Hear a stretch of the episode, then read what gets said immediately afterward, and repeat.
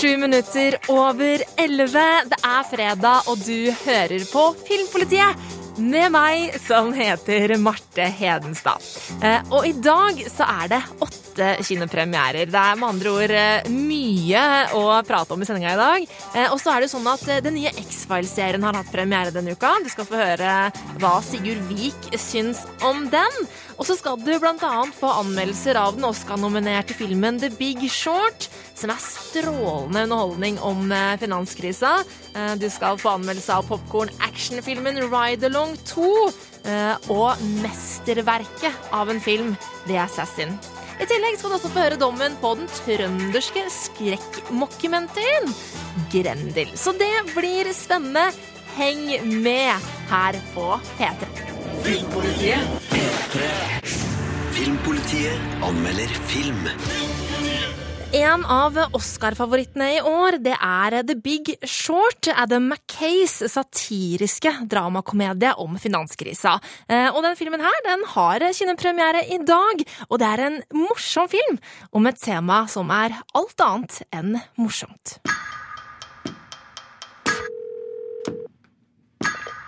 Michael, how are you? I found something really interesting. The whole housing market is propped up on these bad loans. They will fail. The housing market is rock solid. It's a time bomb. Millioner av mennesker mista jobbene sine og hjemmene sine som følge av at boligbobla sprakk i USA i 2007. Tallene er overhodet ikke morsom lesning. Likevel er The Big Short en skikkelig morsom film. You know what? I'm pissed off. American people are getting screwed by the big banks. Filmen er basert på Michael Lewis sin bok om finanskrisa, The Big Short Inside the Doomsday Machine. Og regissør og manusforfatter Adam Mackay har laga en komedie som virkelig retter den berømmelige fingeren til folka som forårsaka finanskrisa. Med sitt velskrevne manus, smarte humor og gode skuespillere med på laget, er The Big Short en fornøyelig filmopplevelse, selv om temaet er aldri så dystert. No.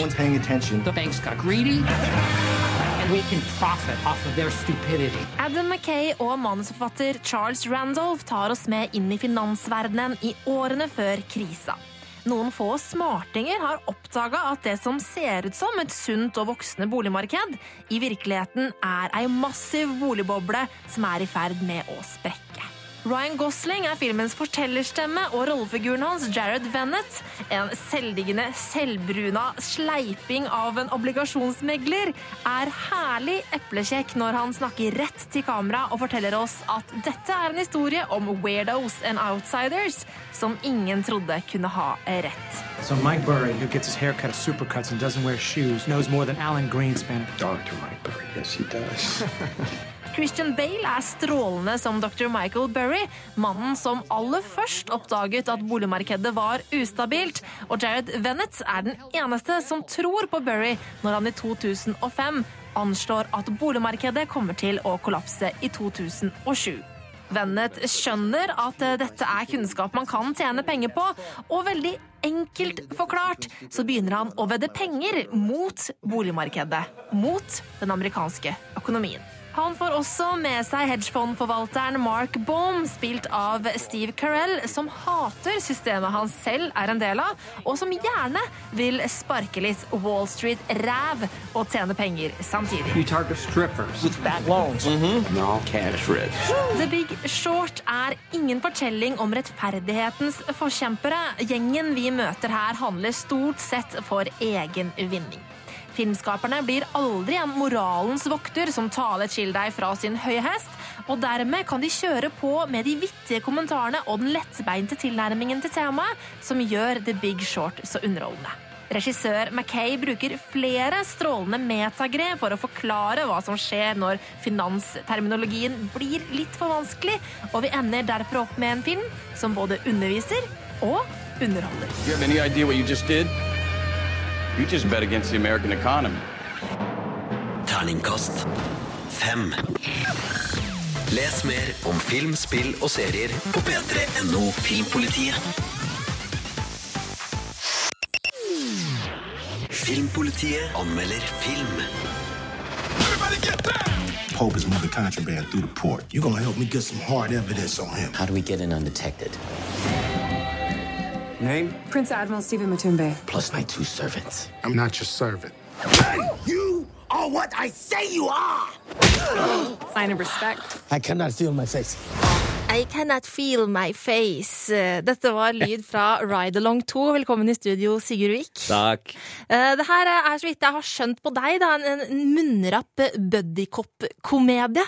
Eh, Hva betyr det? Du har helt rett i at det er en munnrapp buddycop-komedie, og det betyr at det er en film som plasserer seg i buddycop-sjangeren. Eh, Det vil si to politifolk i en actionkomedie hvor dialogen er vel så viktig som action-biten. Det skal være kjappe replikker, det skal være humor, og det skal være artig. Og det er Ride Along 2. eh, oppfølgeren til Ride Along, selvfølgelig, som også var Kevin Hart og Ice Cube i, i hovedrollene. Det var en film jeg syns var veldig OK. Jeg så den eh, mens jeg satt i sofaen hjem, spiste en pizza og, og kosa meg, og det er liksom eh, perfekt film til det her. Og Ride Along 2, samme sporet. De tar den her klassiske Die Hard Beverly Hills Cop-greia, hvor de må til en annen by. Altså pissing in someone else's pool, som det heter på buddycop slash actionkomediespråket. Så de drar denne gangen fra Atlanta, hvor første filmen foregikk, til Miami. Eh, Konseptet bak her er da at eh, Ice Cube spiller en ganske sånn gatesmart eh, politifyr. Naturlig nok, han har jo en del street Ja, ja, ja, smartness ved seg, så det funker jo. Mens Kevin Hart er da the comic sidekick, altså den litt sånn spjælete, morsomme, rappkjefta fyren. Han dater søstera til Ice Cube sin karakter, karakter, så her er det Det er gnisninger. litt intriger. Litt sånn problem der. Og og de kom jo seg gjennom første film og ble liksom venner til slutt, Ja. men nå er de liksom litt sånn fra hverandre igjen på starten av eh, film to. Så det her er jo da også en film som skal sørge for at uh, man får feel good-vibben inn her. Ja, Så den er tilstedeværende, altså. Å, ja. Feel good. Ja. Og det, er- det er morsomt. Det er ganske artig. Det er, den tikker liksom alle, altså den er basert på et tjuetalls ulike filmer du har sett før, og sannsynligvis bedre filmer du har sett før. Alt fra Dødelig våpen til, til Beverly Hills Cop. Men det, det, det funker lell. Altså, regissør Tim Story kan denne oppskrifta. Han har folk som er med og liker denne oppskrifta, og han baker det sammen til, til en uh, god film. Og så er det også litt kult, for den, uh, han er gamer, han fyren eh, Ben Barber, som Kevin Hart spiller. Han er liksom sitter og spiller førstepersons skytespill eh, dagen lang, så han har utvikla seg en litt sånn her finesse for å kjenne igjen våpen og vite hvor mange kuler som er brukt. Fordi liksom han har sånn- sett det i Ja, ja, spill. nettopp. Så det er det som er litt greia. Pluss at eh, det er også, han er god på bilspill, så når han liksom driver og kjører litt sånn biljakta i Miami, så bare kobler han over i bilspillmodus og bare wow! Eh, Imponerer folk. Så artig eh, lite sånn formgrep der, da, syns jeg funker bra. Og hva er det vi lander på på karakterer, mon tro? Eh, Det man som regel lander på, ikke da, Når det er kult og artig. Terningkast fire. Og jeg syns ikke det er så verst for en sånn type film, altså. Fredagskos. Fredagskos. P3. P3.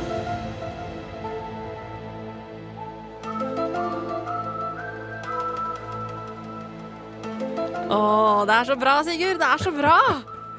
X-Files, of course. But of course. Hvorfor snakker vi om det nå, egentlig? Det hadde premiere på comeback-sesongen sin i går kveld. Ikke sant. På norsk TV. Ja, eh, og det er jo faktisk helt sjukt. Det er ganske rare greier. Men eh, vi som jo er i, i 30-åra, eh, vi har jo et ganske så godt forhold til X-Files. Altså, X-Files det var store greier da vi vokste opp. Torsdager klokka 21.45 på TV 2. 1994, høsten, da, da braka det løs. Og det tok av fra starten. Altså, det var TV 2 sin mest populære serie den høsten. Det var liksom sånn, eh, TV 2 var ganske fersk. Da, så du hadde liksom NRK-program på sånn eh, fra første til 15. plass sånn cirka på, på seerlista. Og så kom liksom X-Files med sånn 500 000 seere og 600 000 seere. Og de hadde Knut Risan, han fyren som eh, er stem, var stemmen til Tre nøtter til Askepott. Ja. Han hadde også en sånn reklamegreie på TV 2 der han sa 'Du tror det ikke før du får se det', sa han. Og så storma alle sammen til for å se liksom det her nye, spennende amerikanske fjernsynsserien eh, på, på kveldstid. Det ble jo for det første så ble jo X-Files en egen greie. altså Hvis man Ja. sier X-Files, så skjønner man det. sånn der overskrift sånn X-Files i barnehagen, så skjønner man at det har skjedd noe mystisk i barnehagen. Jeg tror faktisk det var ei Dagbladet-forside, hvis jeg ikke husker helt feil. Og det var også sånn uh, sloganene, altså I want to believe og? The truth is Mm. out there, sånn som man kan si, og alle sammen skjønner litt sånn halvveis Ja. hva du mener. Mm. Så det er sånn felles kulturell kapital der. Ja. I tillegg så var det jo en veldig fengende serie som tok liksom litt sånn filmsjangeren og filmspråket inn i TV-serien. Du hadde liksom, du fulgte Mulder og Scully, for de var to kule FBI-agenter som holdt på med det overnaturlige. Og du ble liksom med på dem, så der hadde du liksom den TV-seriebiten. Men så hadde du de liksom tulla med skrekkfilmsjangere, og de tok liksom konspirasjonstrillersjangeren med liksom eh, deep throat, altså sånn folk som uh, tyster på store Ja, ja, ja. som står nede i parkeringshus, og, og liksom du møter dem i skyggene, og de forteller om store hemmelighetshold, konspirasjoner i regjeringa. Sånn, så det var veldig mye sånn forskjellig og mye artig. Jeg husker at jeg var jo, jeg var jo så liten, jeg var jo ni-ti år bare, eh, så jeg fikk jo egentlig ikke lov å se på det. Eh, Så det var på en måte bare liksom eh, få ganger jeg klarte å liksom snike meg til å se på det, og selvfølgelig fikk masse mareritt. Ja, For det var jo det. det Monster of the Week-episodene. For det var liksom sånn, sånn stormytologiepisoder innimellom som liksom handla om det overordnede plottet. Og så Mm. var det masse enkeltepisoder som var frittstående, som handla om overnaturlige etterforskninger. Og det var blant de monstrene du virkelig fikk grobunn for dårlig søvn, var ikke det, Marte? Jo, jo, jo, jo. Det var, åh, jeg husker spesielt eh, Lord of the Flies. Eh, det var masse fluer og helvete. eh, og også den Han med de der lysende gule øya. Ja. Jeg husker ikke hva han heter, men det var skumle greier. Seriemorderen. Det var den første sånn skikkelig ordentlige Monster of the Week-episoden, husker jeg helt i starten. Men Husker altså du klo kloakkmonsteret som Ja. gjorde det forholdsvis trasig å gå på do? Ja, ja guri land.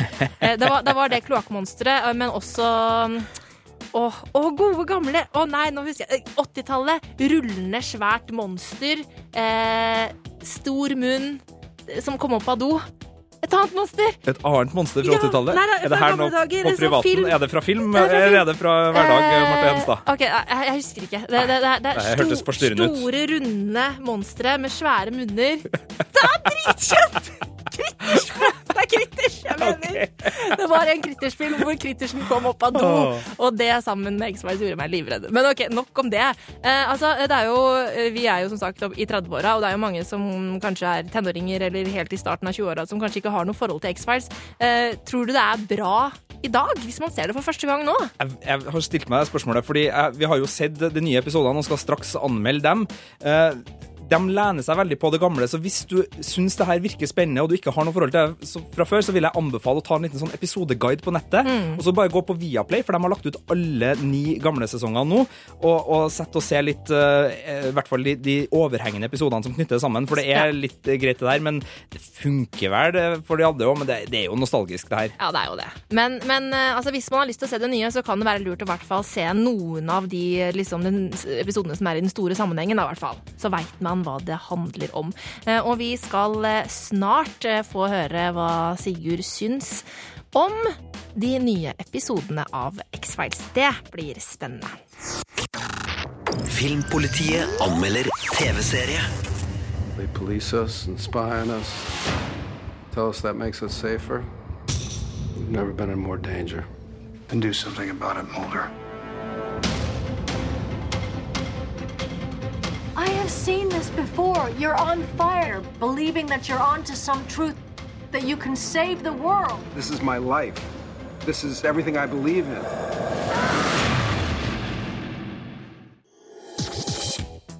Det høres unektelig spennende ut. Eh, Den nye The X-Files, eh, Sigurd Vik. Starta i går på TV3 og Viaplay med en dobbeltepisode.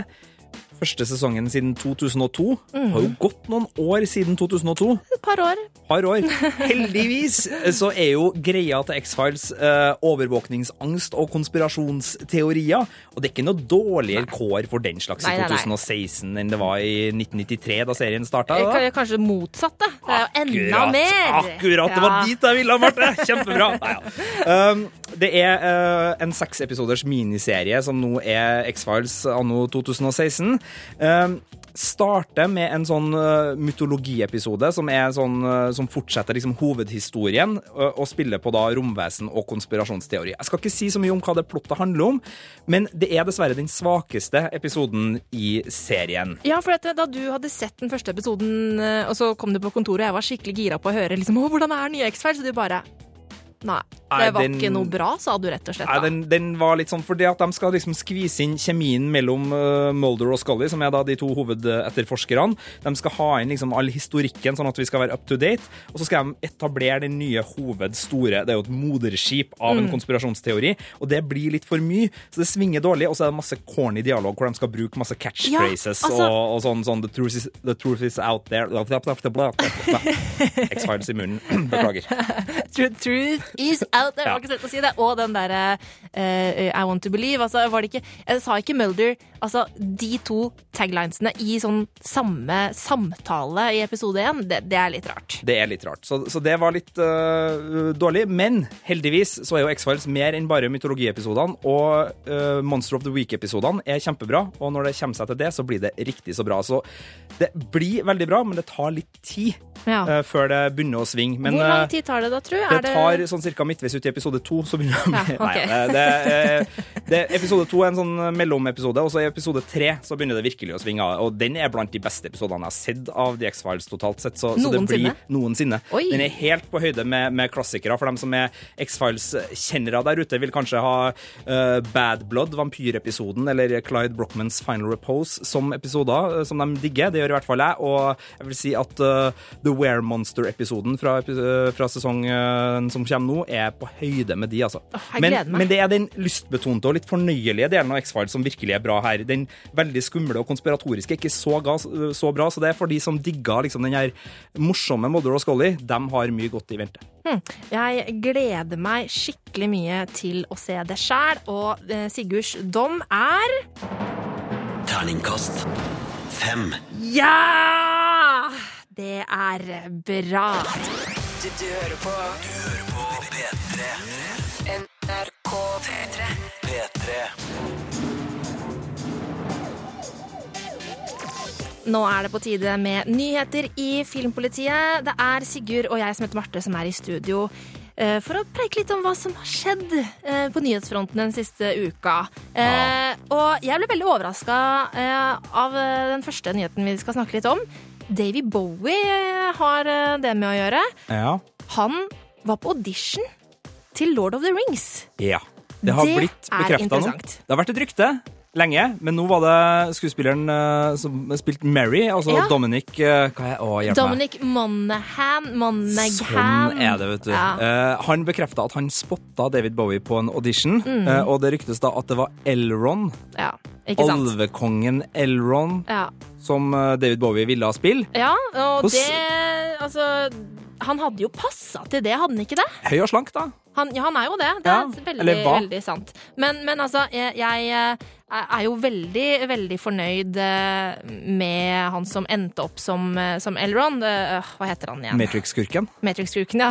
Ikke hva han er det. Mr. Anderson, altså sier det hele tiden. Anderson. Herregud, hva heter han? Ja, ja, ok, Samme det. Uansett, han er jo en strålende Elrond, Elron, så hadde Bobby vært noen bedre? Jeg vet ikke, men det er, det er en artig fun fact som dukker opp fra eh, filmhistorien. Nå er det jo eh, fremdeles trist eh, etter at David Bowie gikk bort her for noen uker Mm. siden. Men uh, han var jo veldig god i Labyrinth, syns jeg, da, og hadde jo flere gode roller. Ja. Så jeg tror nok David Bowie i Lord of the Rings hadde funka, men uh, Hugo Weaving. Hugo Weaving, Weaving som spilte ja. en liten jernteppe der.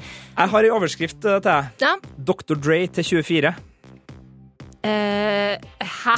Ikke sant? Det, der er jo bare sludder og vas. Det er feil. Men uh, Corey Hawkins, som spilte Dr. Dre i Ja. Straight of Compton, fantastisk film, han er klar for spin-off-serien, vil jeg kalle det, okay. til 24. Altså 24 er da actionserien med Kiefer Sutherland, som har gått og rulla i Ja. veldig, veldig mange år. Men som er ferdig. Som er ferdig, men 24 Legacy, som er en ny variant av serien Hvorfor heter spin-off-serier alltid Legacy? Hvorfor putter de alltid på Legacy? Det er skittøft, Marte. Hør på det. Legacy. 24. Ikke sant? Når jeg skal, ha sånn spin, jeg skal ordne meg spin-off-program av Filmpolitiet, så skal jeg het Filmpolitiet Legacy med til å Sigurd. Og det skal ikke være sånn her Filmpolitiet med Marte eller Filmpolitiet med Birger. Det skal være Filmpolitiet Legacy med Sigurd. Det er mye tøffere, det hører du. Ikke sant? Ja, Men han skal i hvert fall eh, spille da i 24 Legacy, så artig for dem som er glad i ting som varer sånn ca. 24 timer. Ja, ikke sant? Veldig, veldig bra. Mhm. Eh, men når vi først er på musikkfolk som eh, Nesten musikkfolk, da. Ja, okay. Som skal spille i serier. Ja. Eh, Miley Cyrus har fått seg en ny rolle. Ja da.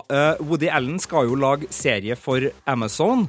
Eh, Amazon har laga masse bra serier. Siste Transparent, Mozart in the Mm. Jungle. Og nå skal de også hyre inn Woody Allen, som er en veldig veldig anerkjent filmregissør. Ja, ja, ja. Han skal da gjøre sin første TV-serie. Og Det er veldig spennende. Miley Cyrus er på rollelista. Hun har jo jobba med flere gamle menn i det siste, blant annet Bill Murray i eh, A, Murray, eh, A Very Murray Christmas, som var hans julespesial, som ligger på Netflix. Eh, hun var kul der. Uh, regner med hun får en helt annen rolle og ikke skal synge julesanger i Woody Allen sin serie.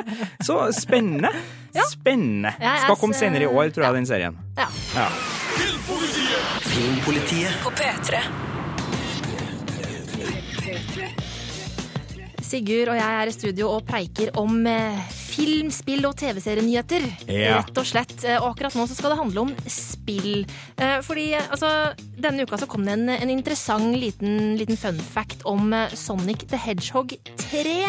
Eh, Har du spilt det, Sigurd? Ikke spilt uh, Sonic 3. Jeg, jeg, jeg hadde det ikke sjøl, men jeg hadde en venninne. Hadde ikke. Sega? Var ikke det Nei, Sega? Jo, det var Sega. Og Ja. det var sånn, jeg hadde ja. heldigvis en venninne eh, hvis storebror hadde Sega.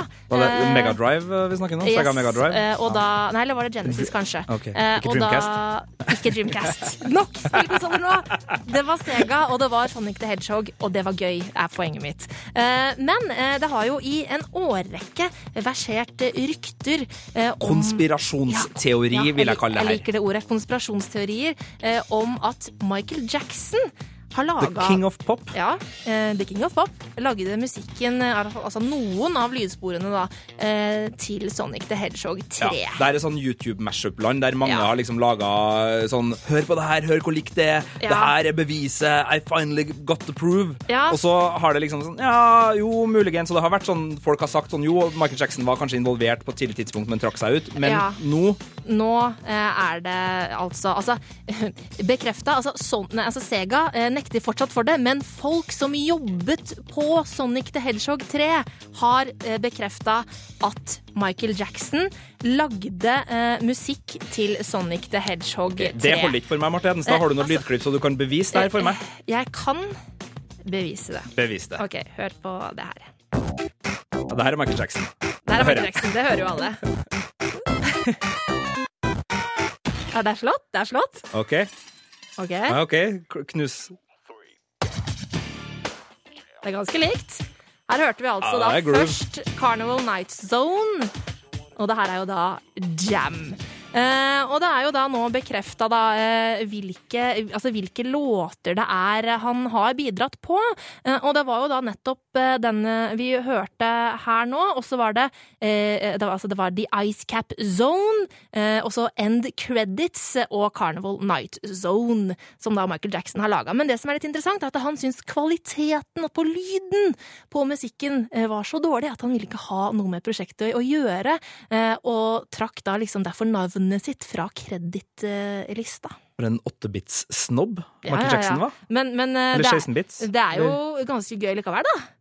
Det er artig at Michael Jackson eh, var der, og det er artig at man endelig slipper å ha åpne konspirasjonsteorier på YouTube. At man Mm. kan få lukka en av dem, syns jeg er en fordel. Det, vil, altså, det gjør ikke så mye den store helheten, men jeg liker at noen konspirasjonsteorier på YouTube blir lukka. Ja, Synes det er men eh, det er en annen, ikke konspirasjonsteori, men et rykte eh, om Michael Jackson som har gått også i en årrekke, som nå ikke har blitt bekreftet, men som det nå skal lages film om. Skal det? Eh, ja, det er nemlig eh, en film om en roadtrip som Elizabeth Taylor og jeg tror det var Marlon Brando og eh, Michael Jackson eh, visstnok har tatt, eh, som det skal lages film av. Er ikke det kjemperart? Det er veldig rare greier. Sky Arts som skal, skal gjøre det her, og uh, det som også skaper litt reaksjoner, da, er at de har jo casta denne serien nå. Ja, ja, ja, ja, ja. Og mannen som skal spille Michael Jackson, er Joseph uh, Finnes. Eh, kjent eh, skuespiller, det. flink. Spilte blant annet American Horror Story og Camelot, Ja, ja. og var vel med i Enemy at the Gates og, og, og mye sånn. Men um, Han er jo hvit. Han er jo kritthvit. Men Og altså, til, har- til filmskapernes forsvar, det var jo Michael Jackson også på dette tidspunktet denne roadtrippen visstnok skal ha funnet spøkes sted. eh, mye rundt det, da. Men det her er jo fiktive greier. Så, Ja. men, men hvis det skal lages en film om Michael Jackson, så skal ikke jeg stå på barrikadene og rope 'det må bli Joseph Finn som skal spille den rollen'. Nei, nei, absolutt ikke. Filmpolitiet anmelder film. Det tok den taiwanske filmskaperen Hao Xiaoxian ti år å realisere sitt mesterstykke Nye Yin Yang, altså The Assassin. Men da filmen omsider så dagens lys i fjor, så vant Hao prisen for beste regi under filmfestivalen i Cannes. Eh, Og nå har filmen kinopremiere her til lands, og jeg skjønner godt eh, hvorfor eh, Hao vant prisen. 击兵国王 得意卵，三年不明。妇人曰：“常闻鸾见泪则明，何不悬镜照之？” Hao Xiaoxians The Assassin er et mesterlig regissert stykke filmkunst som nærmest tar pusten fra en med sine vakre bilder. Handlingen utspiller seg i Kina på 900-tallet, da det mektige Tang-dynastiet gikk mot slutten. Vi møter Ni Yang spilt av Kishu, som ble bortført som tiåring av Yaxin, spilt av Shou Fangyi. En nonne som har trent henne opp til å bli en formidabel snikmorder med eksepsjonelle sverdferdigheter. Yan Yangs spesialitet er å ta livet av korrupte embetsmenn, men når hun skåner en mann hun skal drepe fordi sønnen hans er til stede, blir straffen hard. 让我家女婿分赐了我一月有期，名为贿赂，是有违约信物的意思。 Nåde er ikke populært hos Yaxin, og mesteren sender derfor Yang Yang på et oppdrag som skal slukke all medlidenhet i henne for alltid. Hun må reise til hjemprovinsen Weibo, der det keiserlige hoffet har begynt å miste makta, for å drepe militærguvernøren i provinsen. Fetteren hennes, Tian Yan, hennes tidligere forlovede. The Assassin har en sanselig visualitet som gjør dette til en helt spesiell filmopplevelse. Filmfotograf Ping Bin Lee maler vakre tablåer som det nesten er meditativt å ta inn. Filmen begynner i svart-hvitt før den blomstrer ut i rødt, grønt og gule fargetoner, og regissør Ho bruker hele rommet i scenene som utspiller seg. En av filmens kampscener utspiller seg f.eks. bak noen trær langt inne i bildet, og når Yang Yang oppsøker fetteren for å ta livet av ham, dveler hun i bakgrunnen bak en flortynn gardin mens en scene mellom fetteren og kona utspiller seg. Det er en tilbakeholdenhet i det som gjenspeiler Yang Yangs indre kvaler. Skal hun fullføre oppdraget for mesteren sin, eller skal hun følge sin egen samvittighet? Scenen er en av filmens vakreste, og det er utrolig hvor mye følelser det går an å tolke Yang Yangs lukkede ansikt. The Assassin er ikke en film for kampsportentusiaster som forventer seg en tradisjonell actionspekket sjangerfilm. Filmen har ingen kampsportscener som er med ene og alene for kampsportens skyld. Alle elementene i filmen er der for å fortelle en historie, og det er umulig å ikke bli sterkt berørt av det vakre i hver eneste scene. Det tok Ho Shou-Chien ti år å realisere The Assassin, men det var verdt ventetida, for dette er filmkunst av ypperste klasse.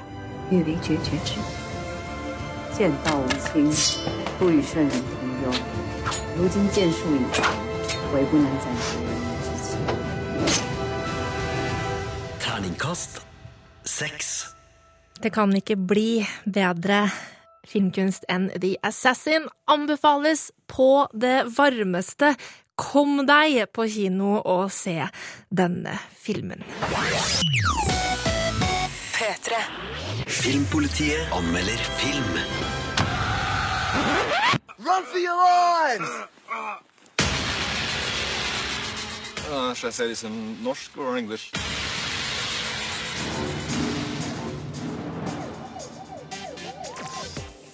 Sigurd Vik, du har vært eh, på kino. Hva i all verden var dette for noe? Det her var lyd fra traileren til Grendel, en trøndersk uh, komedieskrekkfilm i mockumentary-sjangeren. Ja. Uh, dette må du utdype, for jeg uh, Hva er det mockumentary er igjen? Altså, det, det, tulledokumentar? Nei. Tulledokumentar. Ja. Ja. Det her er en film om en gjeng som skal lage en skrekkfilm på ei øy.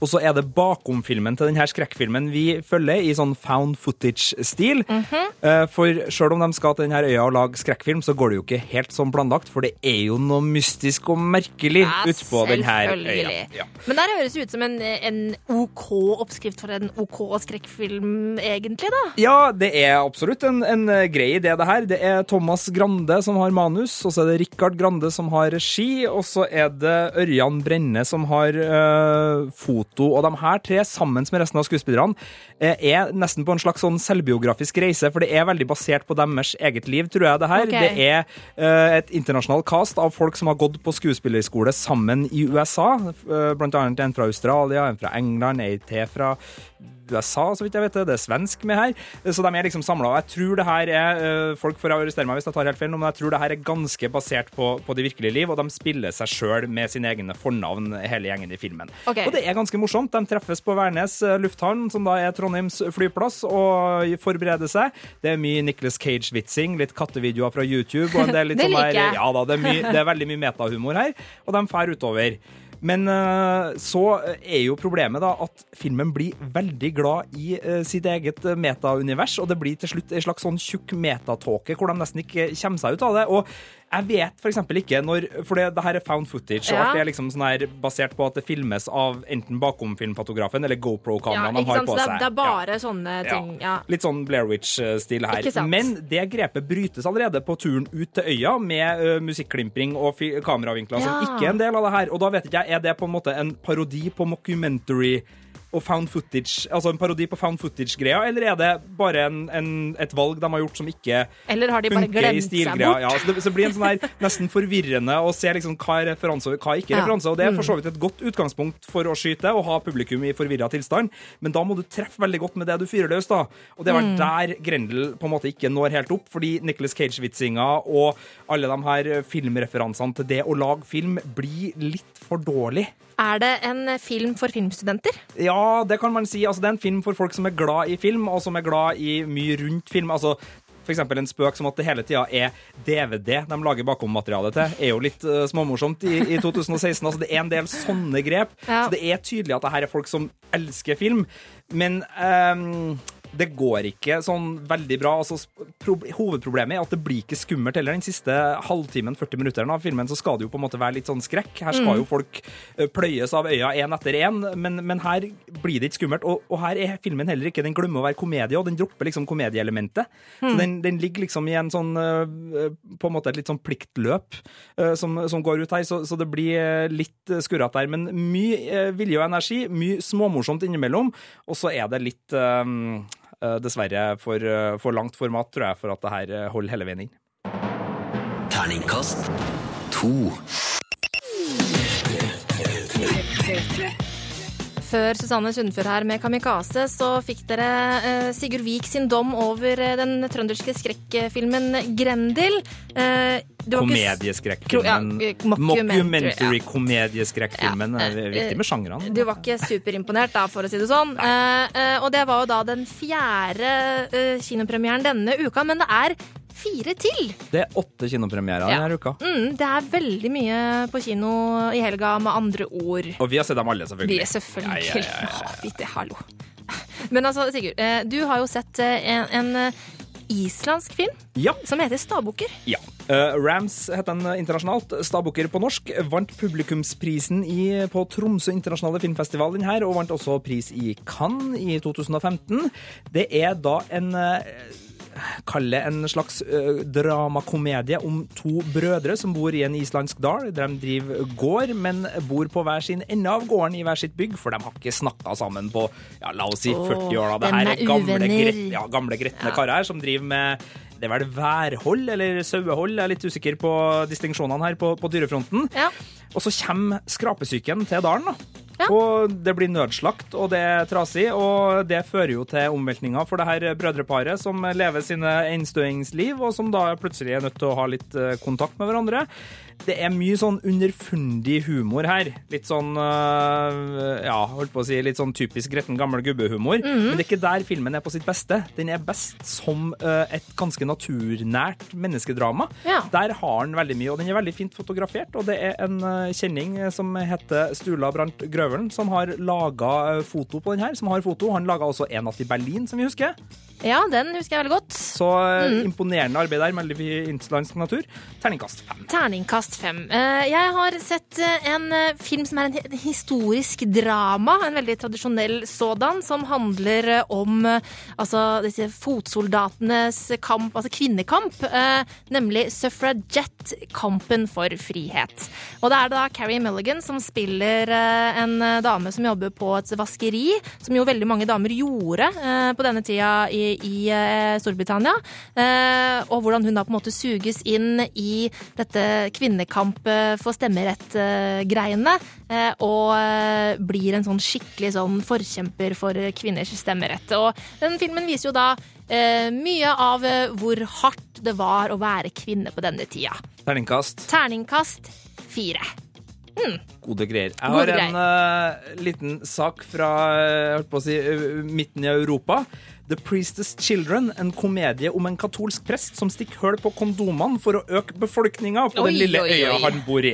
Høres snedig ut, det her. Ja. Er ganske snedig også. En lun og sjarmerende komedie som har et punktum som er sånn skikkelig skikkelig ekkelt. Så du Ja. må sitte hele filmen og kose deg med komedien, og så får du en liten sånn Oi. slag i mellomgulvet på tampen der. Men det er kurant. Eh. Terningkast fem til den òg. The Priestess Children der. Priests Children. The Priest's Children. Vanskelig å altså. si, veldig vanskelig å si. X-Files i munnen. Eh, Den siste eh, kinopremieren denne uka den er det ikke vi som har sett, men Birger Vestmo han så den eh, under filmfestivalen i Cannes i fjor. Youth heter den, og handler om en gjeng med gamle venner som møtes på et eh, alpehotell i Sveits, og så blir det innviklinger da. Og Birger skriver i sin anmeldelse at den har ikke så mye å melde som den later som. Den er preget av tomme banaliteter som virker småartige der og da, men tilfører ikke helheten noe særlig mye. Høres ut som Selskapsreisen 1, 2, og 3 og 4 og 5. Og. Nei, nei, nei. nei. Terningkast 3 fra Birger på Jus, altså. Terningkast 6 på Selskapsreisen. Ja, ja, ja. Så det var altså eh, ukas eh, kinopremierer. I tillegg til da The Assassin, eh, som fikk terningkast 6. Uh, Ride Long 2 fra deg, Sigurd. Terningkast fire. fire. Grendel. Terningkast 2. Og så har vi en eh, siste film. Oscar-favoritten. Yes, nemlig The Big Short, som også fikk terningkast fem. Så mye bra på kino i helga, med andre ord. Tusen takk til deg, mister Sigurd eh, Vik. P3. P3. Filmpolitiet anmelder film. Filmpolitiets overkonstabel Birger Vestmo anmeldte filmen Sicario da den eh, gikk på kino i september. Og nå er filmen ute på Blu-ray og DVD. eh, Og Birger han mener at det her er en voldsom og vellaga film om kampen mot et meksikansk narkokartell. Med sterk innsats fra Emily Blunt, Josh Brolin og Benicio del Toro i hovedrollene. Og eh, her får du et gjenhør med Birgers dom over Sicario. This is a high level target. The most likely spot for a hit will be at the border crossing on the return. Welcome to Juarez. Kampen mot narkotika i grenseområdene mellom USA og Mexico skildres mørkt og brutalt i regissør Denis Villeneuves harde thriller Sicario. Emily Blunt, kjent fra Edge of Tomorrow og Looper, storspiller som FBI-agenten som kastes inn i begivenheter der skillet mellom rett og galt blir stadig mer uklart.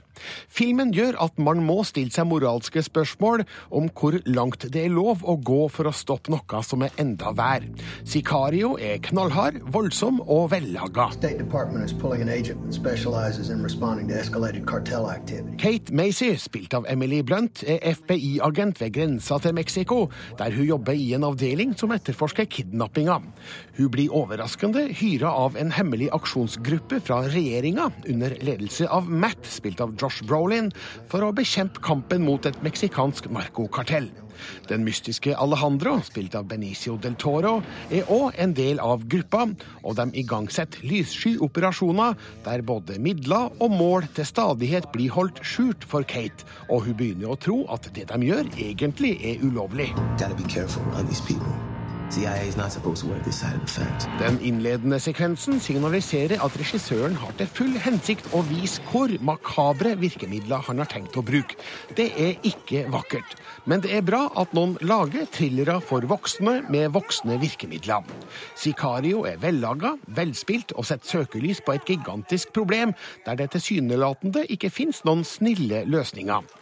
Filmens tone er gjennomgående mørk og urovekkende, godt hjulpet av foruroligende musikk av islandske Johan Johansson, som òg komponerte musikken til Denise Villeneuves forrige film, 'Prisoners'. I'm not a soldier. This is not do. Juarez is what happens when they dig in. This is it. Emily Blunt er knallgod i hovedrollen som FBI-agent, og det er ikke fritt for at tankene går tilbake til filmhistoriens mest kjente kvinnelige FBI-agent, nemlig Jodie Foster i 'Nattsvermeren'.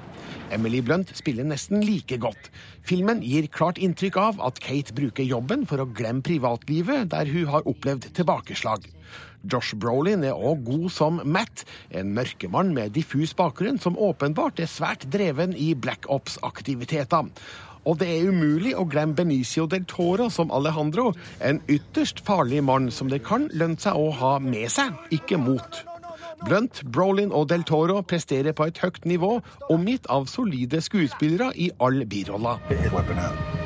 Sicario er nok en sterk film fra Denise Villeneuve, som òg imponerte 'Prisoners' i 2013. Det skal bli spennende å se hvordan han takler neste års nye Blade Runner. Thrillersjangeren mestrer han i hvert fall svært godt. Sicario er gnistrende godt fotografert av veteranen Roger Deakins, som òg skal skyte den nevnte Blade Runner-oppfølgeren. Villeneuve regisserer historien med en utmerket spenningskurve, et interessant persongalleri, voldsomme virkemidler og en moralsk tvetydighet som gjør at man er nødt til å tenke. That would be a major mistake.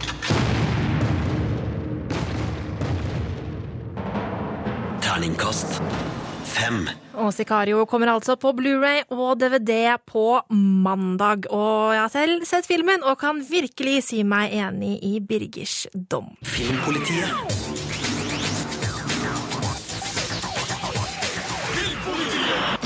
Og der var Filmpolitiets podkast ferdig for denne gang. Tusen takk for at du lasta ned. Og husk at du kan lese alle våre anmeldelser på p3.no filmpolitiet. Hør flere podkaster på nrk.no podkast. P3.